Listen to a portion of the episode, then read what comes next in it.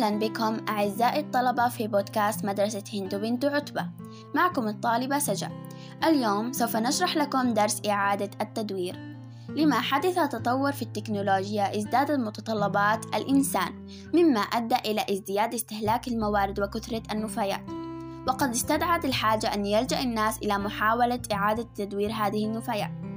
أولاً سنتعرف مفهوم إعادة التدوير هي عملية تحويل المواد المستعملة إلى منتج جديد بهدف توفير الطاقة والحفاظ على الموارد الطبيعية وتقليل الجهود المرافقة لعمليات التجميع والتخزين والنقل. ويمكننا إعادة تدوير الكثير من الموارد أهمها الورق والبلاستيك والزجاج وبعض المعادن. ومن هذه العملية لما يعود على الإنسان والبيئة المحيطة بنا من الفوائد. ومن هذه الفوائد واحد تقليل التلوث البيئي الناتج من نقل المواد الخام والتنقيب عنها.